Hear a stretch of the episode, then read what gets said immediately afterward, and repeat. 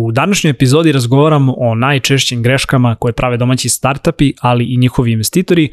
Moj gost je advokat Igor Živkovski.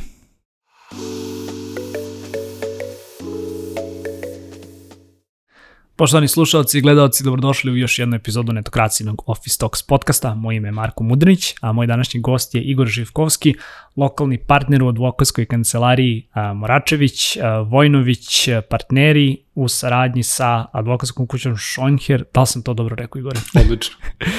Hvala ti još jednom ovaj, što, si, što si se oduzao, da kažem, ovaj, mom pozivu da, da budeš moj današnji gost a, i što, da kažem, ovaj, imao negde priliku da te ugostimo ovaj, u, u Office Talks podcastu. A, iskreno, dugo se nismo videli, još ovaj, od, od ranih dana osnivanja ovaj, e-commerce asocijacije. A, negde povod za ovo gostovanje je zapravo bila, da kažem, tvoja negde nedavna karijerna ovaj, promjena. Pisali smo o tome ovaj, na netokraciji, a, pa ako možeš malo više da mi kažeš zapravo o čemu je reč. Pre svega hvala ti na pozivu i na interesovanju za ovu temu. Tako je, ovaj, u pitanju je jedna od najvećih advokatskih kancelarija u Srbiji i regionu, koja regionalno je prisutna, odnosno u brojnim zemljama centralne istočne Evrope, od Belgije preko Austrije, Poljske, Mađarske, Bugarske, Rumunije pa do Turske, u svim zemljama bivše Jugoslavije, tako da ovaj, svi, svi ti uvidi iskustva kolega iz drugih kancelarija su svakako nešto od čega ne samo kolegi u, u lokalnoj kancelariji u Beogradu, nego i ja, ali i naši klijenti, pogotovo u, u oblasti startupa i VC fondova, i tekako imamo koristi. E, može da zamisliš primjera radi šta su kolegi u Beču sve do sada videli u ovoj oblasti, e, kakve vrste investicionih ugovora, term sheetova, raznorazne institute koji će kod nas verovatno doći tek za nekoliko godina i to je, čini mi se, neka komparativna prednost, to je zapravo glavna, glavni benefit ove, ove naše saradnje i generalno mislim da je to nešto čega će klijenti najviše profitirati, jer kad ipak imaš nekog ko je taj put već prošao, kad možeš da pozoveš, da se konsultuješ, da dobiješ neki primjer nekog dokumenta, onda sve postaje dosta lakše. Da, veća mreža svakako. E sad, um, jedan, ispričaš me naravno, ako, ako ovo nisam dobro ovaj, shvatio ili, ili, pročito, um, ti ćeš zapravo, da kažem, voditi tim, jedan od razloga zašto si, da kažem, nedavno ovaj, baš napravio tu karijernu promenu, jeste zato što ćeš voditi tim koji je ili, ili novo formiran, ili tek treba da se formira, ali dakle koji će se baš, da kažem, negde bazirati na posao sa startupima i sa investicijnim fondovima. Ispravi me ako nisam ovaj, u pravu. pa evo ovako, vidi, ja možda čak ne bih ne rekao da je to neki novoformirani tim. Mi zapravo dodatno jačavamo i, i sada gradimo tim koji će se fokusirati na startup kompanije, na VC fondove i cilj nam i ideja nam je da zapravo budemo u toj oblasti broj jedan u Srbiji, da budemo one stop shop i za jedne i za druge, dakle i za, i za investitore i za startup kompanije, da eto, tim našim kadrovskim potencijalima, ne samo u oblasti ovog klasičnog privrednog korporativnog prava, nego i prava intelektualne svojine, radnopravnih odnosa, zaštite podataka o ličnosti i sve ono što je relevantno za poslovanje svakog startupa, mi možemo da pokrijemo i da pružimo tu pod jednim krovom.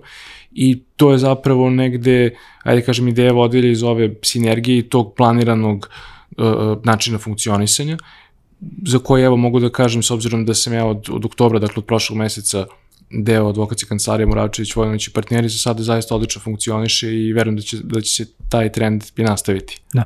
Spomenuo si neke stvari ovaj, koje već vidim da su neke greške koje startupi ovaj, možda najčešće prave, to mi ćemo da pričamo malo kasnije, ali moram negde da te vratim na početak. A, znaš, ono, gledajući tvoj LinkedIn, malo pripremajući se zapravo za ovu epizodu, vidimo ovaj, da, da si dosta dugo, da kažem, u, u poslovnom pravu koje se negde tiče startupa, koje se tiče investicijnih fondova.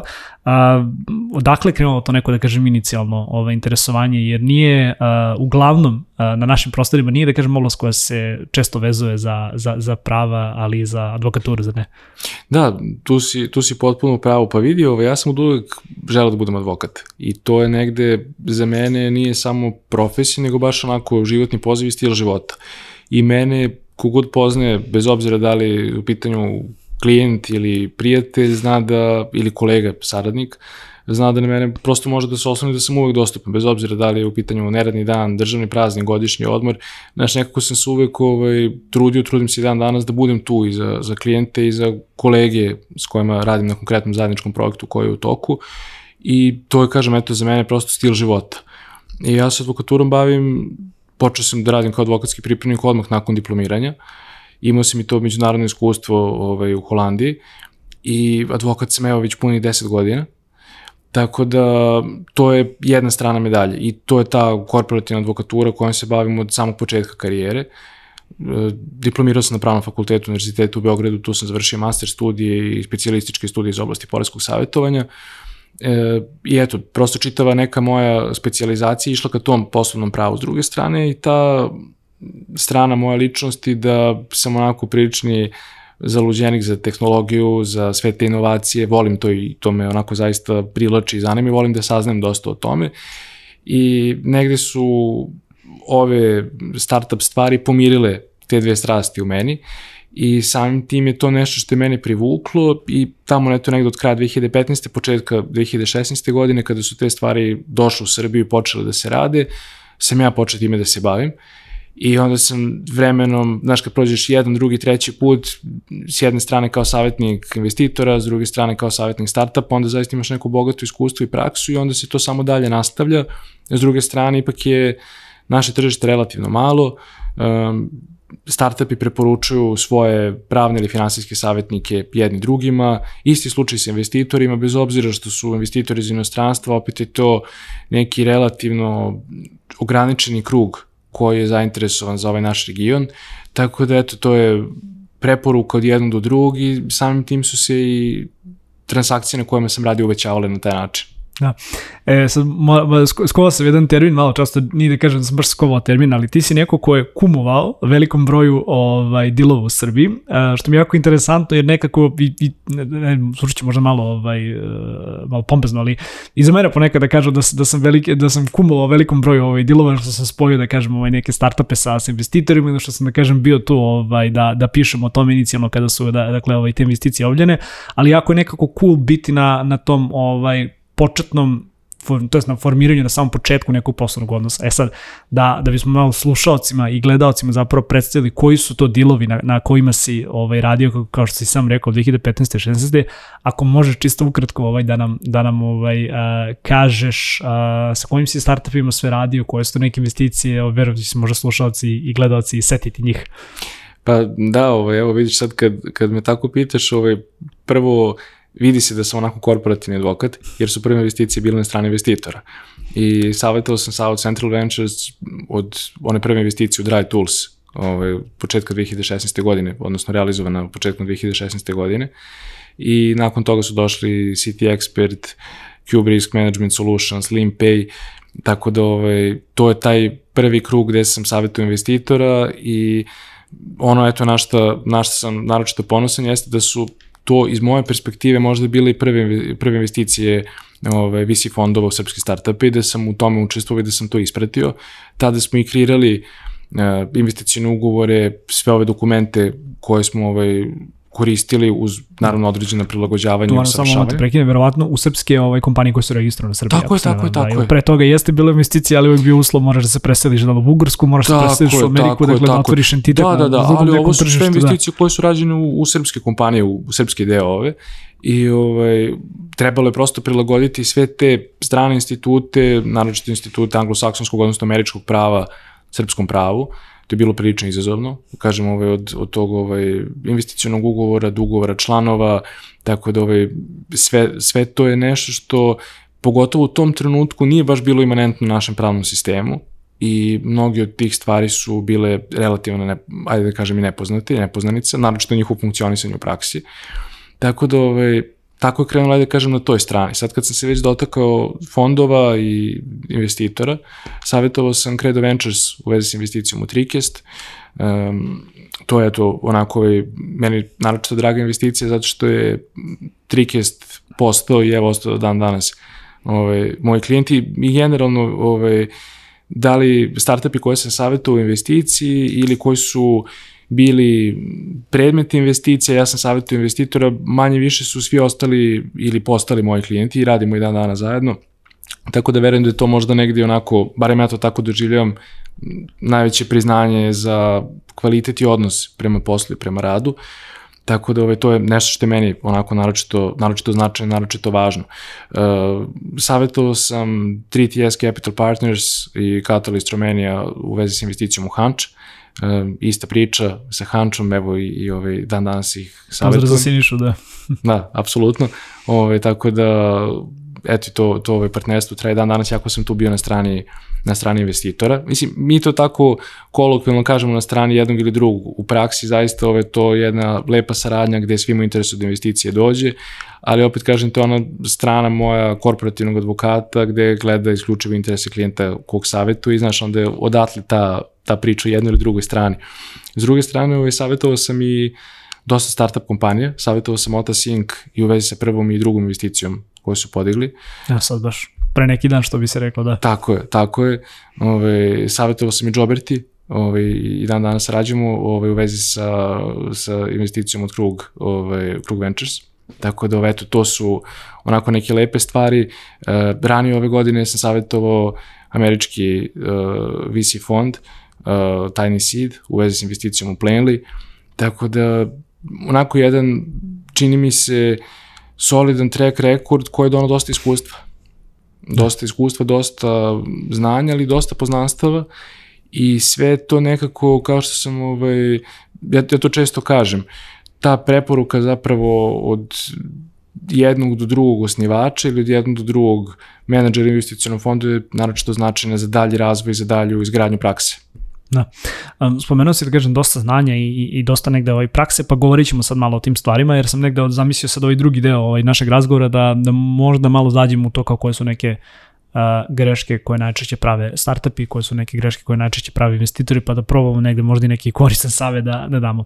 Uh, koje su, da kažem, to stvari, ovaj, da kažem, koje startupi ili da, da iskoristim termin brzo rastuće tehnološke kompanije u Srbiji, ovaj, na koje treba da dobrate ovaj, posebno neku pažnju kada govorimo o tom pravnom delu ovaj, poslovanja. Mislim da domaći osnivači, da kažem, uglavnom su osobe koje potiču negde iz, mi, iz tog tehnološkog milija, a, nisu, da kažem, nužno ovaj, odmah neki menadžeri ili neko ko, ko, da kažem, kapira taj, taj legal deo poslovanja, ali na kraju dana zato si, zato si ti tu, ali kada ovako ti se javi neki startup koji možda tek na početku, koje su, da kažem, to neke stvari gde, gde uglavnom vidiš da, da prosto imaju te neke rupe ovaj, kada je znanje u pitanju i da, da kažem, onda vi ulećete sa, sa vašim delom posla?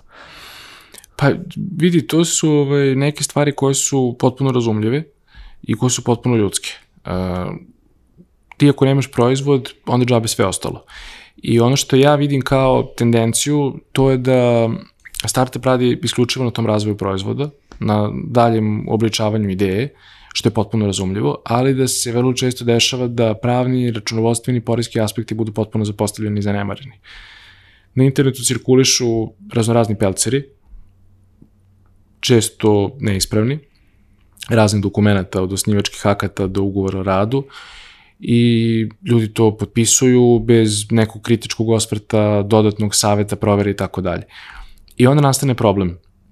Najčešće ne u fazi dok ne dođe do same investicije, ali kad dođe do investicije, investitor vidi sve te stvari, to mu je onako priličan red, red flag, flag da. upravo to.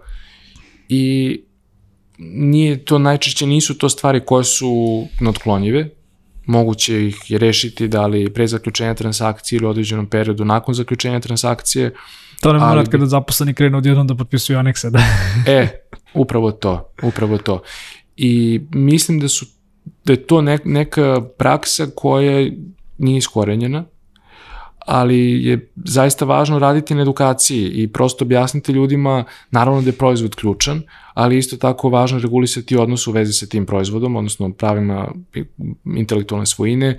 Važno je takođe da ugovori radu budu adekvatni i validni. Važno je da odnosi među osnivačima budu uređeni uh, ugovorom članova, uh, da sutra kad dođe taj veliki novac i eventualno osnivači u svojim vizijama krenu različitim pravcima, ne dođe do nekih stvari koje će uništiti kompaniju.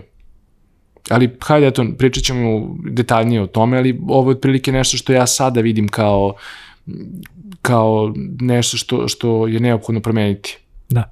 Um, odmah naredno pitanje mi je kako su neke greške koje uh, osnivači najviše prave. Um, čisto kratak komentar s moje strane. Sećam se davnih dana, ovaj, kada smo, kada smo da kažem, i pisali na netokraciji o tome um, i kolumne i tekstovi, intervju, analize, a, da uglavnom imaš a, postavku dvojica ili trojica osnivača koji ovaj, su, da kažem, iz tehničkog miljeja, imaju sjajnu ideju, pokrenu to, A, I onda da kažem, uglavnom, ne, ono, ili ne osnovuju kompaniju ili da kažem, nemaju bar neki dogovor između sebe kako će se neke stvari ovaj, ono, podeliti.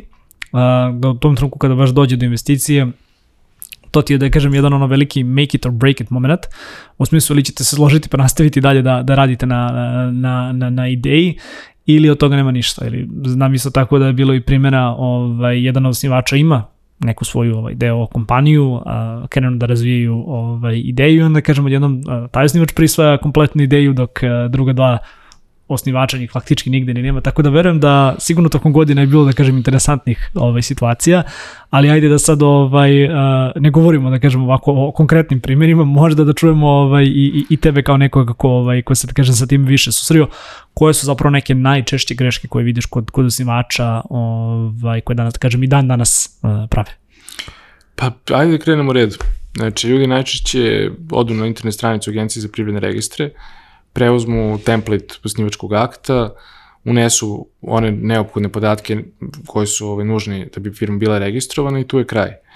I sad si pomenuo recimo situaciju sa dvojicom osnivača, to je 50-50, u takvoj varijanti pad pozicija, nema donošenja odluke, ako ne postoji nikakav mehanizam koji je regulisan najčešće ugovorom članova, koji nije osnivački akt koji mora da se overi i objavi i registruje na internet stranici Agencije za privredne registre, nego je ugovor članova dokument koji oni potpisuju među sobom, noverava se, nije javno dostupan, ali jeste pravno obavezujući. Ako toga nema i ako nema mehanizama za rešavanje takvih situacija, tu je najčešće kraj kompanije.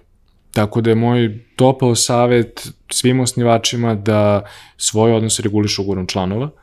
E, kad proizvod nastaje, kad se kompanija formira, tada je sve super i svi su prijatelji. Ali kad dođe milionska investicija, onda već polako krenu preispitivanja. I naročito kad prođe neko vreme, ako se sve to dalje lepo razvije, onda već kreću različite vizije u vezi sa tim u kom pravcu i kako bi kompanija trebalo dalje da se razvija.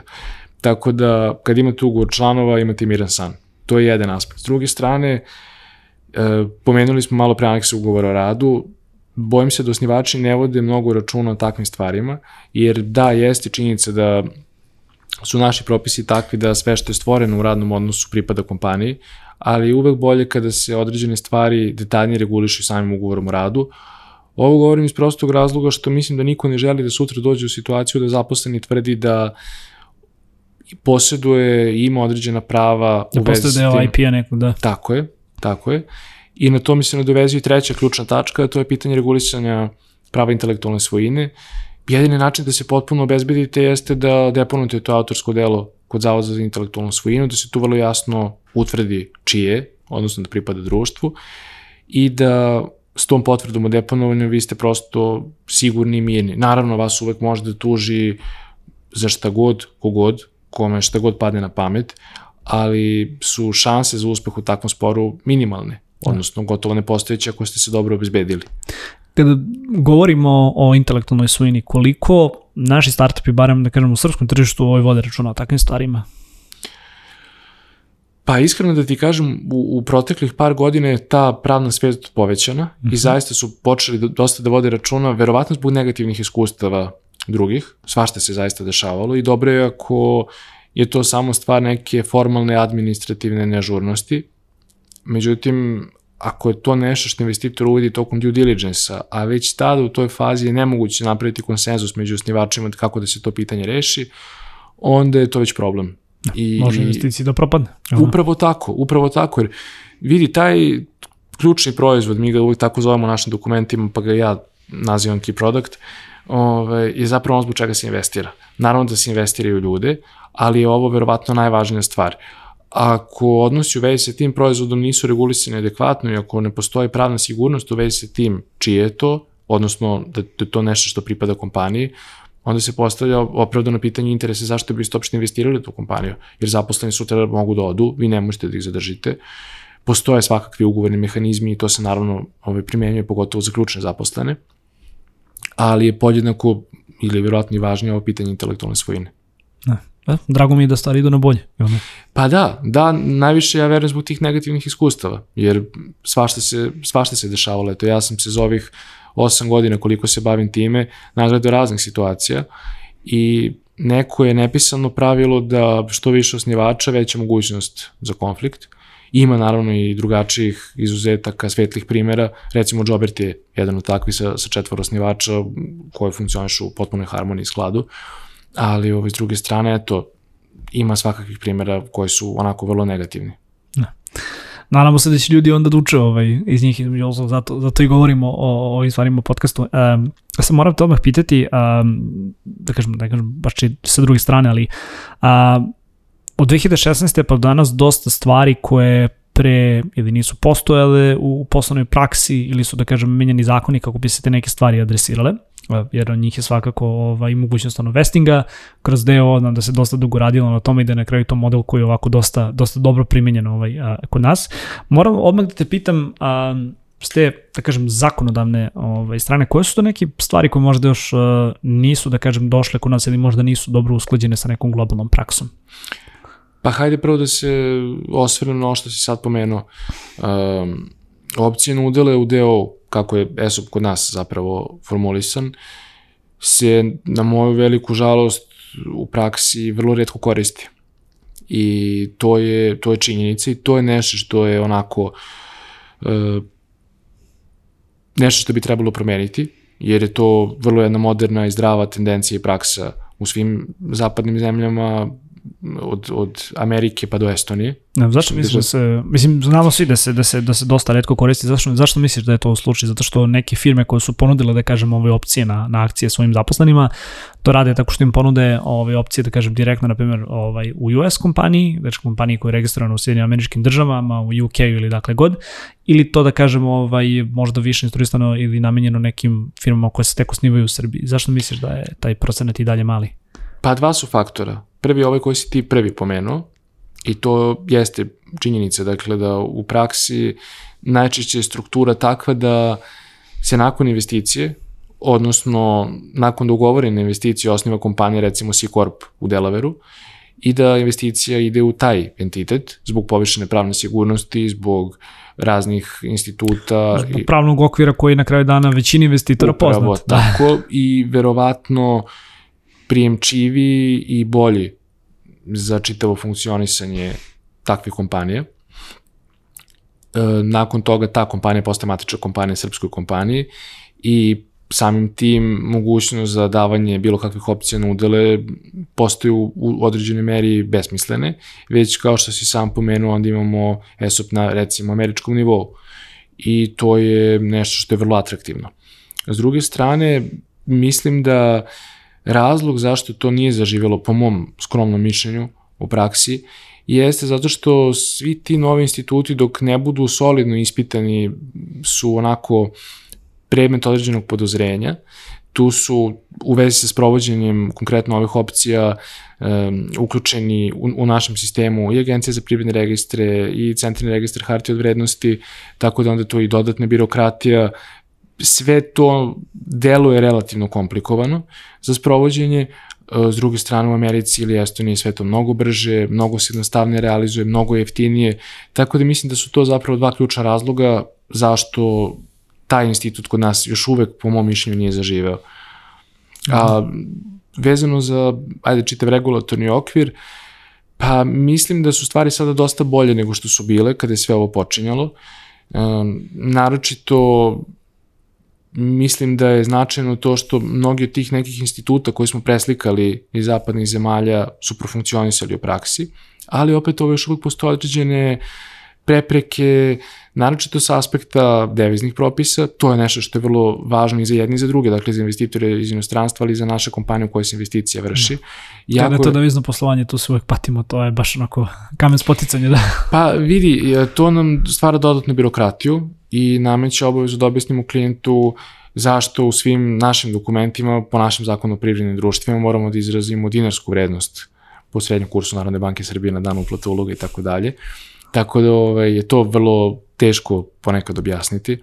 E, s druge strane, e, praksa poslovnih banaka kod utvrđivanja stvarnog vlasnika, e, procedure upoznavanja svog klijenta i tako dalje, jeste nešto što takođe traje i onda ovaj, možda zamisliš kako to izgleda kad neki investicioni fond iz inostranstva investira u srpsku startup kompaniju. Imali smo, imali pa, smo slučajeva, znači naslušao sam se to, to nešto, ovo čak možemo da dobijemo naredne godine, ovaj, 31. oktober, noć veštica, ovaj, ono, kratki horor priče ovaj, o, o, o bankama i o, o, da kažem, ovaj, o dokumentima i o potraživanjima ovaj, pa, sa, sa strane, da kažem, stranih ovaj, i što vlasnika, što kompanije koje to je, da. to je ovaj, dvosmerna ulica opet. Ja često pričam sa kolegama ovaj, iz pravnih i compliance službi banaka i oni ljudi potpuno legitimno kažu ali vidi nama ako Narodna banka Srbije uđe u kontrolu i ako utvrdi da mi nemamo svu validnu dokumentaciju na osnovu koje smo utvrdili ko je stvarni vlasnik i utvrdili čitavu vlasničku strukturu kompanije, mi ćemo biti sankcionisani i to prilično drakonski. Tako da mi samo poštujemo zakon. I, znaš, u tom smislu to nas onda opet vodi do tog zakonodavnog okvira, za koji pritom ne možemo da kažemo da nije usklađen sa nekim modernim tendencijama, jer jeste, i te procedure su zapravo preuzete iz ovih zemalja i donete su u procesu pridruživanja Srbije Europskoj da, uniji. Da, nismo mi to smislili, da. Upravo tako.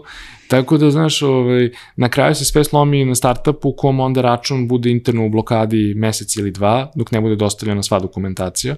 Ja zato i volim da u paraleli sa pregovaranjem i pripremom transakcijne dokumentacije dobijemo i svu dokumentaciju o vlasničkoj strukturi, jer znam koliko je teško pribaviti uh, originale apostilliranih izvoda iz Delavera, iz Finske, sve to prevesti u Srbiji, u stranu sudskog tumača. Oh, been there, done that.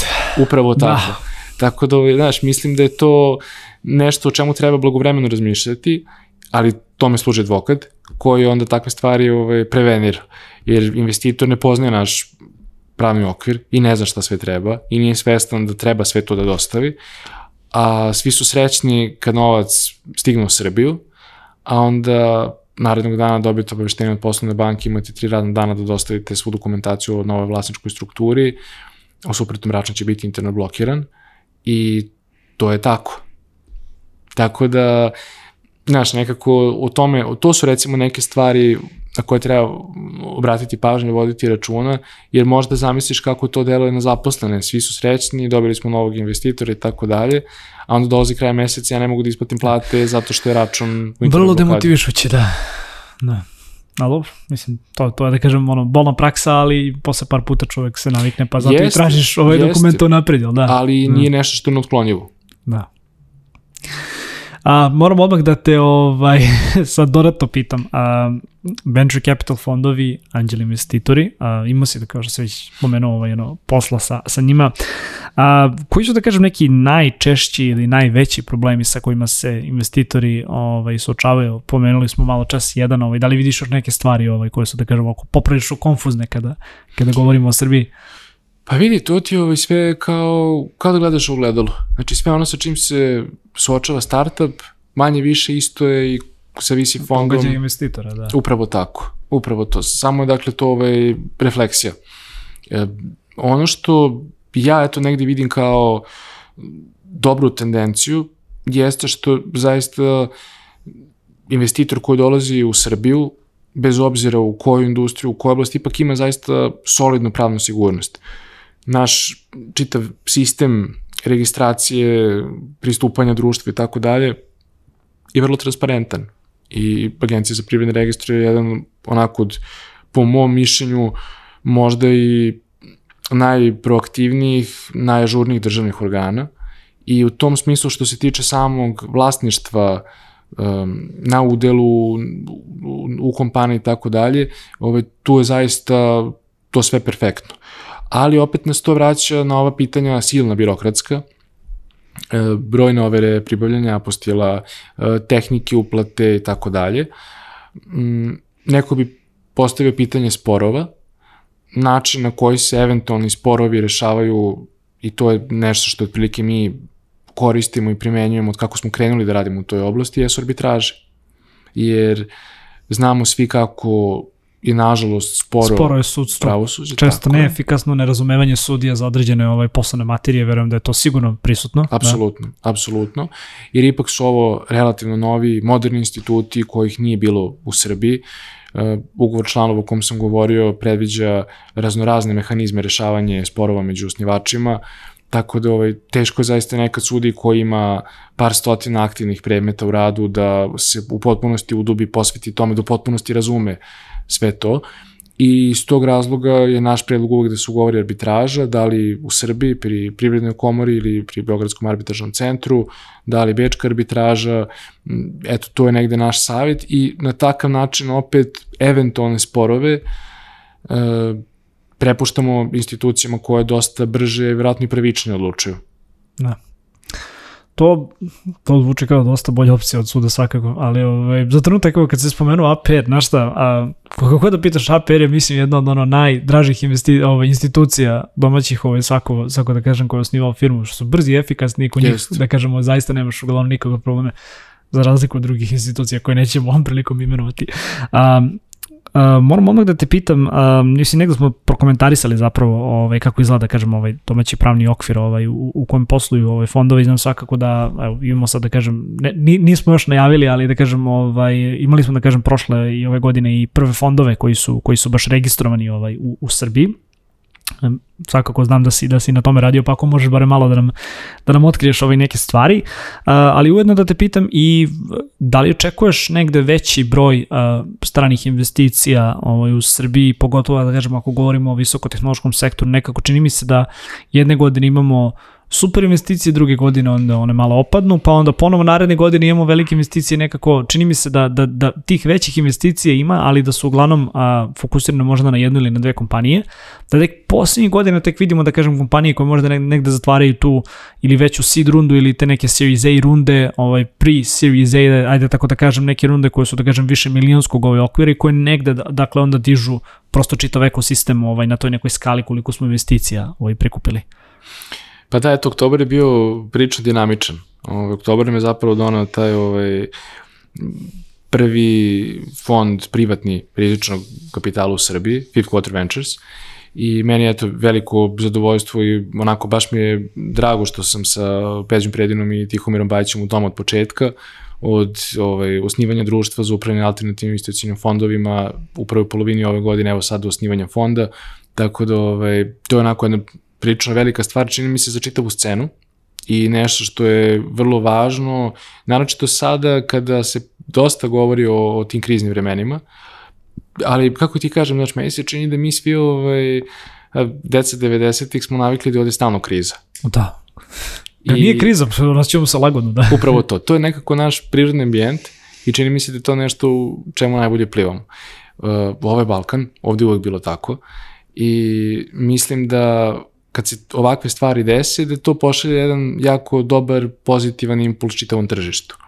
Mm, koliko mi je poznato, u, u toku je ove, ovaj, registracija još jednog takvog fonda i mislim da je sve to zajedno nešto što je vrlo obećavajuće za čitavu cenu.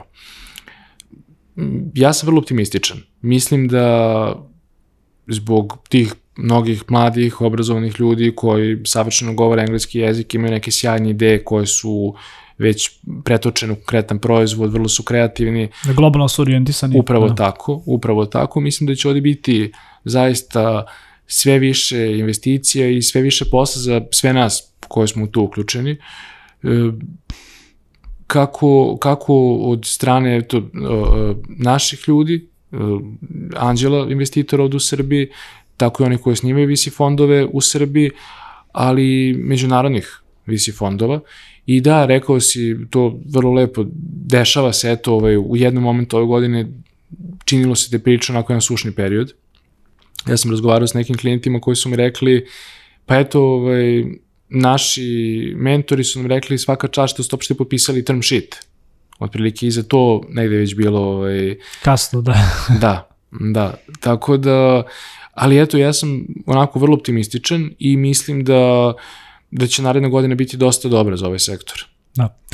Mi da toga malo da se možda tržište konsolidovalo, znaš, kao nemamo više ono multimilijarderski, mislim ima ih i dalje, ali nemamo više ono valo, ono, nenormalne valuacije za, za neki ono WeWork, za takve neke, ovaj, da kažem, startupe koji su samo ovaj, pržili keš, koji nisu, da kažem, ovaj, na kraju dana donosili profit. Mislim da su se stvari malo sad ono, rešafalovale, da su se stvari ovaj, a, malo konsolidovale i da će za naše firme koje su od uvek, da kažem, bile ono okrenute ovaj, i ka prodaji i ka proizvodu i koje negde znaju da ne možeš samo da na neku priču, ovaj, ono, prodaješ ovaj, investitorima ovaj, ideju da ulože u tebe. Mislim da su naše kompanije tu možda malo u boljem ovaj, položaju, mada i kao što si sam rekao, ovaj, ono, mi smo odrasli 90-ih, navikli smo sve negde pomoću štapa i kanapa da radimo, pa nam ni ove stvari, dakle, nisu ovaj, prvi problem, jel da? Da, upravo da. tako. Pa mislim, vidi, znaš kako, ja ovaj, evo sad prosto mogu iz ove perspektive da kažem da uh, ovo sve o čemu smo i danas pričali, sve te investicije od 2016. godine, mislim, to je sve bio onako jedan prilično pionirski posao. I ovo osnivanje društva za upravljanje alternativnim investicijnim fondovima i osnivanje fonda Fifth Quarter Ventures je takođe bio pionirski posao. E, trebalo je tu onako dosta živaca, dosta koordinacije ovaj, sa, sa osnivačima, ali i sa Komisijom za hartije od vrednosti koja je onako bila ovaj, prilično proaktivna, razgovarala s nama, usmeravala nas, uh, imaš sad tu sve neke različite, ove, različite učesnike, imaš depozitara, finansijskog savjetnika i sve to nekako trebalo uskladiti, ali kad se to jednom prođe, sva ta iskustva i uviditi daju onda neku praksu za dalje. Ne samo nama koji smo aktivno učestvovali u svemu tome, nego i onima koji smo hteli ne hteli morali da uključimo, tu mislim na, na komisiju, na agenciju za privredne registre, eto, ovaj, tako da mislim da ćemo sad svi biti mnogo pametniji za svaki naredni put, a kao što sam već rekao, mislim da će toga tek biti ovde. Ne, ne, držimo figi, mislim, 2024. godina, svakako negde bi trebalo možda da bude malo lakše nego, nego ova godina, ali ajde da, kucku da ne ureknem, što bi se reklo. A, za kraj moram negde da te pitam koji su neki, neki ovaj, planovi, da kažem, advokatske kancelarije u kojoj radiš i svakako tog tima. Um, da li ćete se negde možda okrenuti, barem delimično, i ka, ka edukaciji startup zajednice, možda neki meetupi, uh, neki workshopovi, takve neke stvari kako i prosto ovo po čemu smo danas pričali, možda negde još ovaj, prenali našoj zajednici ljudima koji možda tek razmišljaju ovaj, o osnivanju ovaj, svojih startupa, o pokretanju svojih startupa. Apsolutno, apsolutno. Ovaj, pa mi smo kao kancelarija izuzetno posvećeni edukaciji i samo u jednoj nedelji ovog meseca ćemo držati dva takva događaja i mislim da je to vrlo važno i značajno, ne samo kroz neki doprinos zajednici, nego i s vrlo praktičnog aspekta, zato što ti zapravo kroz takve događaje dobijaš povratnu informaciju um, o startup kompanije, šta je ono što njih muči, šta je ono što je problem, šta je ono što ne znaju ili ne razumeju, um, šta bi eventualno trebalo da se popravi, da se poboljša. I ti onda na bazi takvih povratnih informacija možeš vrlo jasno da nekako artikulišeš i svoj rad i svoje planove i da prosto na neki način onda i svoj pristup tom konkretnom savjetovanju, tom, toj konkretnoj oblasti rada, sprem toga i, i podešavaš strava, ništa onda, definitivno ovaj, se radujem da kažem ovaj, da, da vidimo i tebe i tvoje kolege ovaj, više u zajednici. Hvala ti još što si bio ovaj, moj današnji gost i što si podelio da kažem neke ovaj, i savete i neke horror priče ovaj, sa, sa nama i sa našom publikom. A, dragi slušalci i gledalci, hvala i vama što ste ostali sa nama do kraja. Još nam podsjetnik Office Talks možete pratiti na YouTube-u, možete pratiti putem audio